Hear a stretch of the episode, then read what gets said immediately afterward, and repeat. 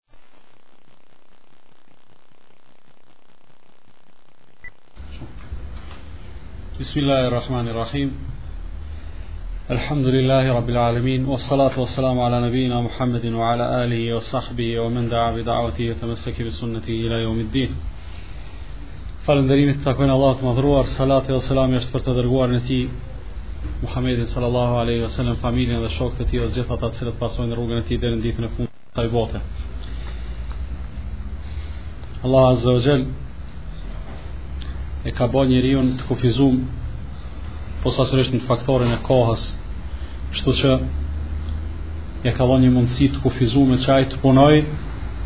do të ia ka dhon një mundësi të kufizume që ai të punoj të investoj e pastaj ia ka dhon një mundësi shumë ma të madhe që të shpërblehet apo të ballafaqohet me me frytet e asaj që ka ka punu duke qenë se njeriu jeton edhe jeta e tij është e kufizume atëhera ajo s'ka dyshim se duhet të shfrytzohet deri në maksimum zatën shumë prej ajeteve dhe prej haditheve që kanë ardhë kanë ardhë që ta përkujton njeriun për shkurtësin e jetës së tij edhe faktin se jeta e tij është e shkurtë dhe e kufizume, respektivisht e ka fillimin edhe përfundimin, andaj pas përfundimit të jetës nuk ka më shans për të vepru. Atëherë më vetëm pritet që njeriu të ballafaqohet me me veprat e tij edhe me punët të cilat i ka bërë. Gjithashtu Islami për t'ia përkujtuar njeriut edhe për ta pas njeriu më parasysh, më afër faktin se jeta është kalimtare dhe e shkurtër i ka dhënë shans që kohë pas kohe njeriu ta shiqoj vetën e vet, ta shiqoj veprimtarinë e vet, të kthehet mrapa edhe të shehë se çka ka bë, çka është dashur me bë, e s'ka bë e çka nuk është dashur me vepru, e ai në të vërtetë ka vepruar asisoj. Kështu që janë disa kohë që njeriu duhet ta ta bëjë një balanc të veprimtarisë së vet, sikurse janë sezona të ndryshme të ibadetit, për shembull Ramazani apo Haxhi apo apo raste të tjera. Mirëpo sidoqoftë ne si musliman e kemi për obligim që çdo ndryshim në jetën tonë ta shfrytëzojmë për t'i bo një shiqim detal jetës edhe veprimtarisë tonë në mënyrë që të shohim se çka kemi ba, respektivisht për ato çka fillon të përgaditemi ato çka do të bajmë. sot kam zgjedhë që të flasim për për një tematik apo për një tem e cila është interesant për neve të gjithve ka të bëjë me realitetin ton respektivisht me përditshmërin ton duke e pas parasysh se shumica prej juve jeni student edhe tash sa i keni përfundu provimet fillon një kohë e pushimeve është me rëndësi që ta kujtojmë njëni tjetrin apo t'i përkujtojmë njëri tjetrit se çka do të bëjmë gjatë kësaj kohës së pushimeve.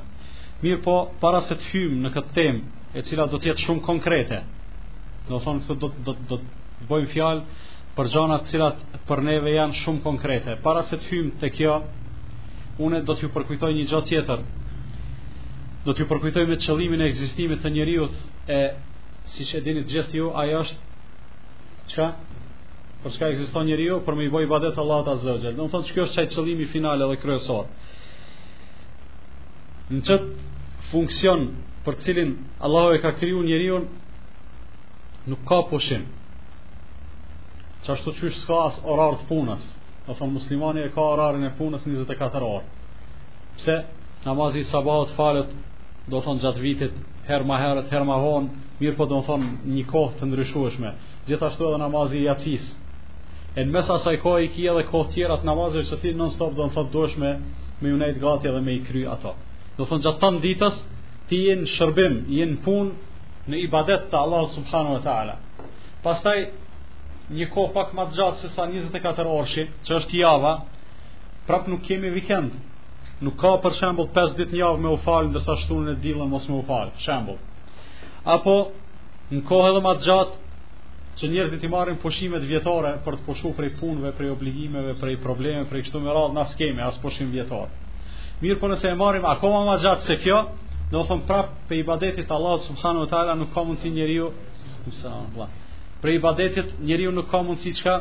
as me dalë në penzion. Do me thonë nuk ka mundësi as me pushu, po as me dalë as me dalë në pension. Kjo do me thonë se ibadeti i Allahut azze ve xhel Do të thotë është një detyrë, është një punë, është një angazhim i njeriut i cili është i vazhdueshëm edhe kurrnjëherë nuk ka ndërprerje, kurrnjëherë nuk ka ndërprerje. Mbas kësaj vim te një përfundim i cili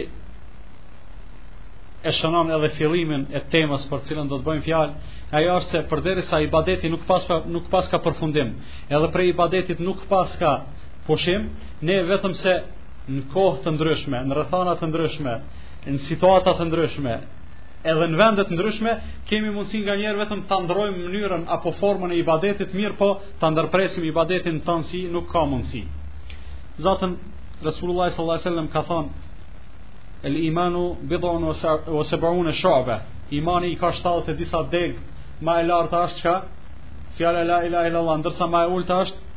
me e largu një pengesë nga rruga, ndërsa edhe turpi thotë është një degë e imanit. Në bazë të kësaj e nënkuptojmë se çdo veprim i mirë që e ban njeriu edhe që është në pajtim me programin e Allahut azze ve xhel, është ibadet edhe është pjesë e imanit. Vetëm se nuk janë të gjithë njerëzit, sikurse kanë thonë dijetarët e mëhershëm, që janë të potencum në të njëjtat ibadete. Për shembull, dikujt, sikurse ka thonë imam Maliku, një njeri i ka shkru letër imam Malikut edhe i ka thonë, shumë po merresh me dituri, me përhapje t'dituris, po i man derse njerëzve, po, po i mëson njerëzit e sene, e e ke harru veten. E ke harru veten në atë kuptimin që ti s'po ndalesh kur me boj ibadet vetëm, me boj dhikër, me boj kështu, do thonë që është që i thonë një lloj izolimi, apo një lloj vetmimi për t'i boj ibadet Allahut azze ve xhel. Andaj, imam Maliku ja ka kthy përgjegjen atij njeriut edhe i ka thonë, Allahu azze ve xhel disa njerëzve ja u ka ja u ka mundsu me u potencu për shembull n'namaz të natës, po nuk potencohen në agjërim nafile. Dikujt ja ka mundsu me u potencu në agjërim, mirë po nuk është potencu po e zon në xhihad. Dikush është potencu në atë e nuk është potencu këtë e kështu me radh. Pastaj ka thënë Imam Maliku, çdo njeri le të jetë i kënaqur me ato çka Allahu ja ka mundsu e un thot jam shumë i kënaqur që Allahu ma ka mundsu do të thot me u marr me dituri me kërkimin e diturisë dhe me përhapjen e diturisë Me këto desha me ilustru se mënyrat e ibadetit do me thon janë të llojllojshme.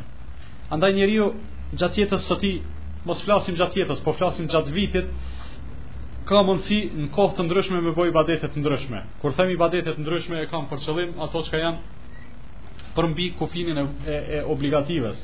do thon namazi, agjërimi i Ramazanit këtu më këto s'diskutohen. Mirë, po tash për shembull po i fal pesë kohët e namazit, dikush është më i potencuar për shembull në dituri, dikush në ibadet, dikush në atë, dikush në atë. Andaj neve si musliman e kemi kohën tash, sikur se dallojnë edhe kohët e ibadeteve, për shembull koha e Ramazanit nuk është sikur se kohët tjera.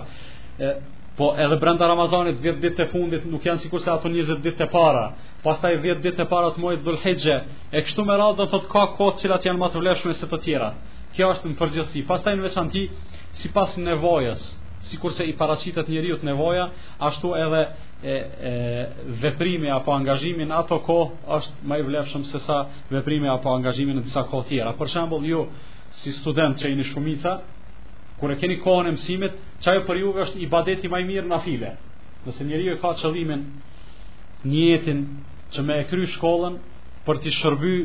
dinit të Allahut azze ve xhel ma mirë, atëherë ibadeti jot më i mirë në kohën shembull kur i keni provimet është ti me mësu për provime. Po kur të kryhen ato, atëherë çka të hapen dyert për ndonjë ibadet tjetër, vetëm se duhet ta kuptojmë se do të thotë muslimani kurrnjëherë nuk bën me nejt, kurrnjëherë nuk bën me thon vallahi sot jam pushim edhe s'kam çka me bë, po rri n'kokërr të shpinës. Do thon te muslimani që kjo nuk guxon me u gjend mirëpo tan jeta e tij do të me qenë ibadet derisa derisa t'i arrin vdekja koha e cila shfrytëzohet më së miri gjatë pushimeve po them kushtimisht apo në kohën kur s'i kemi disa obligime të rëndomta po të qet tash domethënë s'i ki obligime të mësimeve kështu me radh prapë se prapë edhe atë kohë njeriu do të me do të me shfrytëzu për kërkimin e diturisë për pasurimin me dituri dhe ka ekziston një dallim shumë i madh në mes vet leximit edhe kërkimit të diturisë. Për arsye se leximi leximi është një veprim tek i cili kryesisht bazohen ata të cilët dojn me e pasuru kulturën e tyre, mirëpo jo edhe diturinë. Ai i cili don me e pasuru diturinë, ai nuk mjafton vetëm me lexu, por atij i duhet diçka pak ma shumë se me lexu. A është kështu apo jo? Kërkush nuk ka mujt me e kry shkollën apo fakultetin, tu nejt te shpia dhe po i marr librat edhe po lexoj. Jo, ka nevojë me shku me marr pjesë në ligjërata, në ushtrime, ku ta di un se çka e përveç leximit, gjatë leximit i kemi nënvizu gjana çka janë ma me rëndësi, definicionet, formulat, ku ta di un, pastaj me i përsërit ato disa herë, derisa të mësohen, edhe tek qatëherë mundesh me thonë vallahi, di. Zaten diploma e një shkolle, është vetëm një, një adresë se dikush din Që s'do me thonë se patjetër din, mirëpo njerëzit mendojnë se njeriu do në thotë që din do të me ja dhon diplomën. Andaj, ekziston një dallim shumë i madh në mes leximit edhe mësimit. Neve, si gjenerat e muslimanëve, që kemi fillu me praktiku islamin në këto kohë, s'ka dyshim se kemi lexu edhe lexojmë edhe vazhdojmë të lexojmë, mirëpo një gja që është evidente edhe me të cilën po ballafaqohemi vazhdimisht. do thon edhe mashkuj edhe femra është se akoma nuk kemi pas rastin me mësu kur them me mësu e kom fjalën me mësu fenë do thon na për fe kemi lexu secili prej juve sigurisht e ka lexu Kur'anin e ka lexu Riyadus Salihinin e ka lexu Nektarin e ka lexu atë libër kët libër e kështu me radhë me dhjetra libra keni lexu mirëpo me u ul edhe me mësu do thon pak kush edhe pak herë e ka pas rastin do të thotë që të ulet edhe të mësoj, andaj nuk ka mundësi që njeriu të pajiset me dituri nëse nëse nuk mëson, nuk ka mundësi që të pajiset me dituri nëse vetëm lexon. Për këtë arsye jemi dëshmitar të një gjendje, të një niveli të të të dijes islame, të arsimimit islam tek njerëz edhe shoqëri apo apo rrethe të caktuara ku për shembull disa pyetje, disa pyetje përsëriten me vite te na. Pyetjet rreth pastërtisë, rreth abdestit, rreth mes'hit, mestet në çorapa, rreth do të thotë disa gjëra të cilat ndoshta un për vetë së paku me dhjetra vite janë duke u përsërit në ndejat e vllaznive, do të thotë të njëjtat pyetje. Për çfarë arsye? E unë e di arsyen se kam menduar dhe e kam studiuar këtë këtë problematik, arsyeja është arsyeja është se deri më tani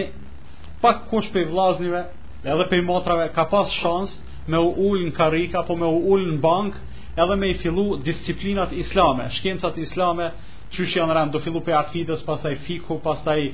tefsiri, hadithi e kështu me radhë, që të mësohen që ashtu qysh mësohet nëpër shkolla. do thotë që hoxha të shpjegojë me libër, ndërsa ata që ndëgjojnë, ndëgjojnë me fletore dhe me lapsa,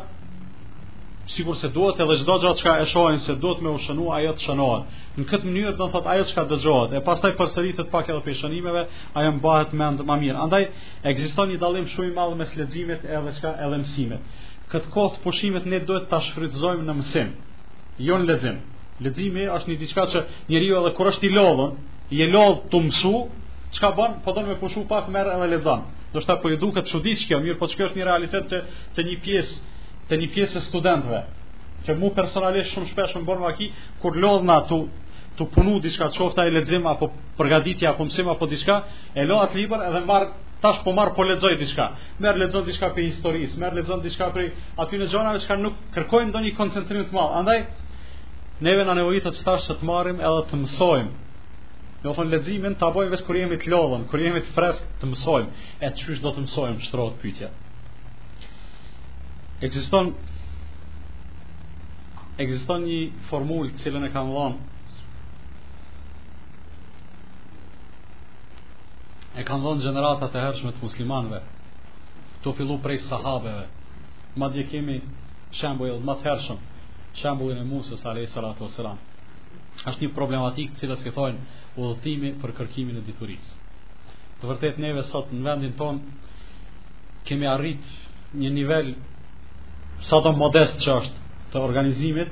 që po ka mundësi në disa vende, në disa qytete të organizohen kurse në kohëzgjatje të ndryshme, varësisht prej mundësisë për mësimin e fesë, për mësimin e islamit. Madje ato kurse janë të niveleve të ndryshme, Edhe njeriu muslimani patjetër duhet të interesohet se ku mbahen ato kurse edhe gjithsesi mos të lëshojë shansin që të marrë pjesë dhe të përfitojë prej atyne kurseve. Do thonë, kjo është një prej metodave, një prej metodave se si të mësojmë. Po, nëse ndëgjon se, apo nëse e din se në vendin tënd apo aty afër ku je ti nuk ka asilloj organizimi, atëherë dosh me u interesu ku ka pak më larg, edhe nëse ke mundësi, nëse ke mundësi me udhëtu me shku deri në atë vend ku po mbahen ato mësime, ato derse, se çdo çka po mbajmë na çdo taneve dhe tetë, këto nuk janë derse, këto janë ligjërata, përkujtime, këshilla, ndërsa ders është ajo kur të fillojmë me spjegu për shembull një një temë prej temave të akidës apo të fikhut apo çfarëdo disipline islame, edhe fillojmë domethënë në mënyrë sistematike i spjegojmë gjitha gjanat deri në detaje edhe do të thonë ato mësohen edhe mbahen mend. Andaj njeriu shumë duhet të ketë kujdes ta shfrytëzojë rastin kudo që të ndëgjon se po organizohen e mësime të këtilla, do të thotë duhet të mos përtojë ta sakrifikojë kohën e tij edhe të shkojë e të marrë pjesë në mësimin e këtyne gjërave në mënyrë që pas kalimit të pushimeve të jemi do të thonë më të njohur me fenë e Allahut subhanahu wa taala të kemi më shumë njohuri të kemi më shumë dije Edhe në këtë mënyrë do të kemi më shumë mundësi për me i shërby fesë së Allahut subhanahu wa taala. Një kujdes të veçantë duhet me e pas. E, edhe me u largu prej prej ndejave, prej ndejave me njerëz të cilët e, e shfrytëzojnë kohën apo nuk e shfrytëzojnë, po e lanë që koha të kalojë pa e shfrytëzuar, respektivisht që të bëhen ndeja të pafrytshme. Do thonë deri tash na kemi pas jo rrallë.